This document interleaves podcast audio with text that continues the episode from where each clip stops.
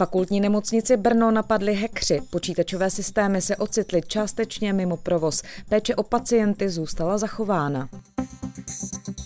Vláda zpřísnila opatření kvůli zamezení šíření koronaviru. Probereme, jaký je zatím jejich dopad na firmy a malé obce. Je pátek 13. března. Aktuální témata, o kterých natáčely naše štáby, o těch teď budeme mluvit v regionálním podcastu, tedy Recastu, v brněnské redakci zpravodajství České televize. Hezký den a poslech přeje Ivana Bártová. Fakultní nemocnice Brno řeší kybernetický útok. V pátek v noci hekři napadli její počítačové systémy. Zrušily se plánované operace, základní péče zůstala. Část pacientů musela jinam. Barbara Měchurová, jedna z kolegyň, která dnes zjišťovala k tomu podrobnosti, je teď připravená odpovídat na otázky. Díky za to, vítej. Dobrý den. Tak, ve chvíli, kdy to zjistili v nemocnici, co se vlastně dělo? V nemocnici to, že mají nějaký problém, zjistili v noci. A ty systémy začaly jeden po druhým padat někdy kolem druhé a třetí hodiny ráno. A potom se tedy stalo to, že zaměstnanci nemocnice začali vypínat počítače, vypnuli celou počítačovou síť. No ale v, tom, v té chvíli nebo v tom okamžiku už tedy ale neměli přístup k datům svých pacientů a nemohli taky další data zadávat do systému. To znamená, že uh, oni uh, mohli třeba vyšetřovat, ale ta data z toho vyšetření už neměli kam zadat. A tento stav v podstatě trval dnes celý den. A co bylo potřeba, tak psali postaru na papír. Je to tak, uh, vrátili se zpátky uh, k psaní rukou na papír, tak jak to okomentoval ředitel fakultní nemocnice, anebo na strojích, tak jak tomu bylo u lékařů dřív. Když to řeknu lidově, naběhli tam počítačoví experti. Podařilo se jim zjistit, kdo to udělal? Oni to začali zjišťovat hned od rána, společně s nimi tam byli policisté z Národní centrály proti organizovanému zločinu. A nicméně a oni vypracovávají a takovou obsáhlou a složitou analýzu a její výsledky ještě nejsou známé. A mluvčí Úřadu pro kybernetickou a informační bezpečnost, než bude ta analýza hotová, nechtěl zveřejňovat nějaké předběžné výsledky, takže oni teď zatím nezveřejnili, kdo zatím stál, nebo co konkrétně to bylo za útok, jestli to byl například takový ten, dá se říct, v úvozovkách klasický hackerský útok, nebo jestli například eh, také někdo žádal eh, po nemocnici peníze eh, výměnou za to, že tady vrátí zpět nemocnici data. A v tuto chvíli se ani neví, o kolik dat by nemocnice teoreticky mohla přijít, jestli vůbec o nějaká data přijde, to právě ukáže ta analýza a ta bude hotová v následujících dnech. Jenom připomenu, že toto už se stalo. Podobné vyděračské požadavky už měli hekři u plicní nemocnice v Janově na Rokycansku. Uvidíme, jak to dopadne tady. V jakém režimu vlastně bude nemocnice fungovat třeba teď o víkendu? Nemocnice teď funguje uh, tak, že uh, všechny uh, plánované neakutní operace odložila. Část akutních pacientů, kteří by dnes přišli do fakultní nemocnice nebo by je tam dovezli záchranáři, tak si přebrali jiné nemocnice v Brně, například nemocnice milosrdných bratří, anebo fakultní nemocnice u svatéAny. Já jenom podotknu, že i tyto nemocnice to samozřejmě uh, se jich to dotkne a, a to v době, kdy všichni čelíme eh, epidemii koronaviru. To znamená, že například v nemocnici u milosrdných bratří také pozastavovali uh, plánované uh, výkony a v nemocnici u svaté Ani tak uh, tam zase uh, zesílili tu víkendovou uh, pohotovostní službu lékařů. Nicméně fakultní nemocnice Brno uh, zůstává v provozu, jak už jsem říkala, laboratoře fungují, třeba radiologie, tak ta také funguje, fungují právě i třeba ty testy na koronavirus. Omezený je teda příjem těch nových akutních pacientů a pozastavené jsou ty plánované operační výkony. Každopádně ale to testování na koronavirus to mírně zkomplikovalo taky. No, ředitel fakultní nemocnice Jaroslav Štěrba říkal, že na jednu stranu ho to zkomplikovalo, protože neměli chvíli k dispozici výsledky těch testů. Na druhou stranu oni teď mají trošku více prostoru třeba pro domácí testování těch pacientů. To znamená, že ty posádky lékařů mají prostor víc pro to výjíždět k lidem domů a testovat na koronavirus tam. Zároveň fakultní nemocnice Brno chtěla zprovoznit svoji druhou laboratoř, která by byla schopná testovat koronavirus. A to se ale pravděpodobně kvůli tomu hackerskému útoku opozdí. Oni to chtěli udělat v pondělí, a tak toto vypadá, že to bude o několik dní pravděpodobně posunuté. A, a další věcí, která se týká na koronavirus, je ta, že v areálu fakultní nemocnice vznikly takové provizorní stany a v nich se e, školí medici a i tam do budoucna bude možné odebírat e, ty vzorky a testovat koronavirus. Takže mm, částečně to tu situaci určitě zkomplikovalo, ale na druhou stranu ty, ty testy běží. To, co je teď důležité v tuto chvíli dělat, tak to se dělá. A to je dobře. Probrali jsme s Barbarou Měchurovou kybernetický útok na fakultní nemocnici Brno, která ale dál zajišťuje péči o pacienty i ono testování na koronavirus. Děkuji ti, Báro. I já děkuji. Omezení, která zavedla vláda kvůli zamezení šíření koronaviru v Česku, ovlivňují i život v malých obcích. Mají dopad i na firmy v regionu, stejně jako nejrůznější akce. Všechny tyto aspekty zjišťoval v tomto týdnu kolega Jakub Vácha. Teď je tu se mnou. Ahoj Jakube. Dobrý den. Prosím, možná nejdřív začněme eh, těmi malými obcemi, protože většinou se hovoří o tom, jak je to v těch městech, že lidé se třeba nemají úplně združovat, že jsou omezení do určitého počtu lidí, tak jak v malých obcích. Právě proto jsme se na to zaměřili, my jsme si tady při poradě udělali takový klíč, protože uh, programy různé kulturní nebo sportovní ruší řada obcí, je to vidět třeba i na Facebooku, tak jsme přemýšleli, do kterých vlastně obcí vyjet a řekli jsme si, že zkusíme využít výsledky ankety eh, vesnice roku Jihomoravského kraje. Já jsem si vyhledal výsledky posledních třech ročníků a ty vesnice, respektive dvě vesnice, jeden městys jsem objel.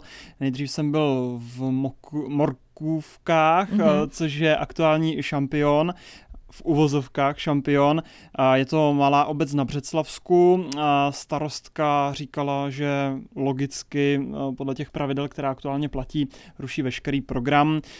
Je zajímavé, že i tam na té obecní nástěnce visí běžně plagáty, pozvánky na různé akce a teď jsou tam plagáty, jak si mít ruce, jak zkrátka se hmm. snažit zamezit tomu koronaviru. Uh, paní starostka tam měla i letáčky, které budou rozdávat, vlastně už rozdávají nebo rozdali eh, do uh, schránek ve všech domácnostech. Pak jsme vyjeli do Hrušek, uh, tam musí zrušit jednu ze dvou nejvýznamnějších akcí, což je Koždvín, to je vesnice na Vyškovsku a pak jsme navštívili Křtiny, kde s těmi velkými kulturními akcemi velký problém nemají, například všechny plesy stihly uspořádat předem, před tím omezením, ale vzhledem k tomu, že asi posluchači, já furt chci říkat diváci, posluchači asi ví, jak křtiny vypadají, je to velmi pěkný městys, tak tam pořádají hodně svadeb a i ty omezují, protože ty skupiny svatebčanů jsou většinou 50 plus co do počtu mm. lidí, takže i svatby se omezují. Jak na to reagují e, lidé v těch vesnicích, protože ono je možná fakt, e, že tam prostě ta akce je dvakrát do roka a je to to jediné, co tam mají. Je to tak, je to možná třeba rozdíl oproti Brnu, o kterém informujeme poměrně častěji, než o tom dění v souvislosti s koronavirem na těch eh, malých eh, vesnicích. Eh, Brno má řadu divadel, řadu případně nějakého alternativního vyžití, když už jsou třeba zavřená kina nebo divadla. Opravdu v těch obcích, asi to všichni známe, je zábava nebo souhody opravdu jednou za čas, takže tam ten efekt nějakého smutnění a opravdu ti lidé tam tak o tom mluví, že jsou smutní, že ty, že ty akce nebudou, tak ten efekt je tam možná umocněný tím, že uh, těch akcí tam moc není. Na druhou stranu ti lidé vždycky dodávají, že to chápou, že zdraví je přednější, prevence je přednější a zaznívají hlasy, že až omezení skončí, tak eh, o to intenzivnější ty oslavy budou. a co ty svatby? Eh, řeší se to tak, že se třeba ta svatba úplně zruší, nebo si ti svatebčaní řeknou, tak musíme zavolat několika sestřenicím, že prostě nemůžou přijet na naše svatbu. Tak samozřejmě na ty svatby eh, tam je navázáno mnoho zařizování, takže u těch svateb je otázka, jestli úplně zrušit nebo odložit. Hmm úplně zrušit asi, asi ne v případě těch svatebčanů, ale otázka, jestli odložit, anebo tu svatbu pojmout nějak jinak úsporně co do počtu svatebčanů.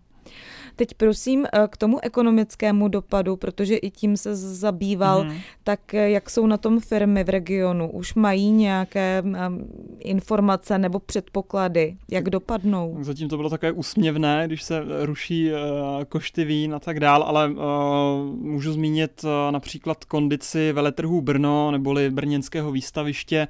K březnu management počítá, že ztráta bude 300 milionů korun.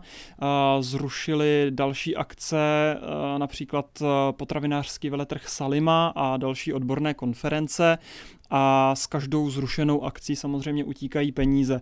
A veletrhy Brno nejenže pořádají v Brně e, veletrhy nebo výstavy, ale e, zprostředkovávají obchody třeba i v Německu a e, předseda představenstva nebo ředitel brněnských veletrhů říkal, že právě ty ztráty v Německu jsou možná, řekněme, bolestivější než to, co vidíme my tady, že se zkrátka v Brně hmm. nekonají veletrhy.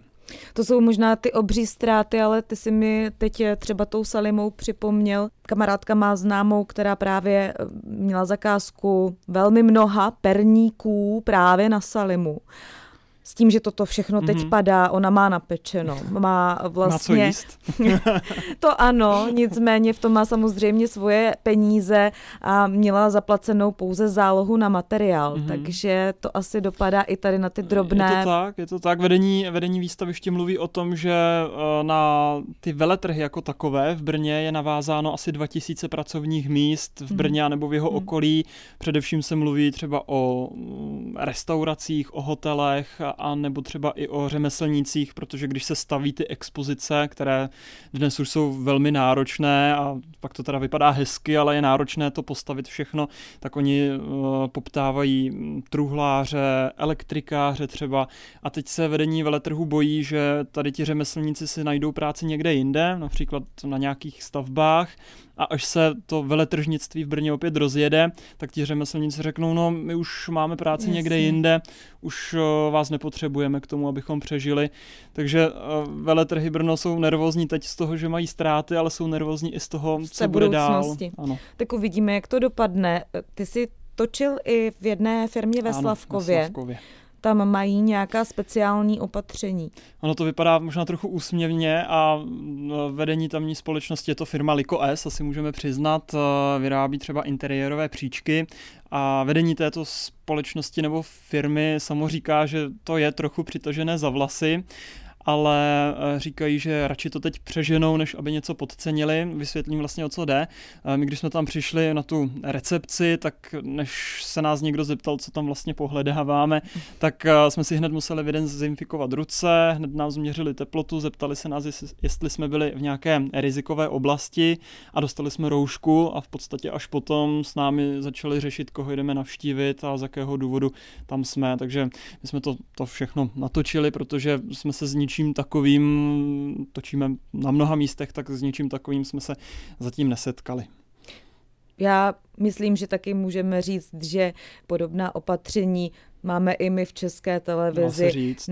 Eh, ne až tak, eh, řekněme, detailní, ale, ale třeba, třeba sem nemohou ano. návštěvy, Nebo které nesouvisí s natáčením, mm, prostě s tou mhm. prací, která tady probíhá. A možná se dá říct, že se to bude asi stále vyvíjet, tak jak se bude vyvíjet šíření té nákazy. A konkrétně u této firmy ještě můžeš říct, jestli oni mají taky nějaké obavy eh, z nějakých ztrát, anebo mají nějaké potíže třeba s dodávkami nějakých materiálů? No, potíže zatím nemají a oni se tady těmi relativně přísnými opatřeními snaží zamezit tomu, aby se ochromila výroba. Oni sice tak líbivě říkají, že jim záleží na zdraví zaměstnanců a jejich rodinách, ale zároveň dodávají, že velkým motivem tady k těm opatřením eh, je právě to, že nechtějí ohrozit výrobu, protože kdyby nedodali nějaké zakázky, tak z těch smluv vyplývají obrovské sankce a tomu se chtějí vyhnout. Ono to zase zpátky souvisí s těmi zaměstnanci, kdyby došlo k sankcím a zastavení výroby nebo omezení, tak zkrátka ta firma nebude moci platit, takže ano, v konečném důsledku jim eh, záleží na těch zaměstnancích, ale je to propojené s tou ekonomickou situací. Opatření, která jsou teď nutná kvůli zamezení šíření nákazy koronavirem a jejich dopady na malé obce a firmy v regionu schrnul můj kolega Jakub Vácha. Děkuji ti za to. Taky děkuji a hodně zdraví. Pokud se vám naše povídání líbilo, další díly recastu z brněnské redakce zpravodajství najdete v podcast aplikacích. Mějte se hezky, naslyšenou.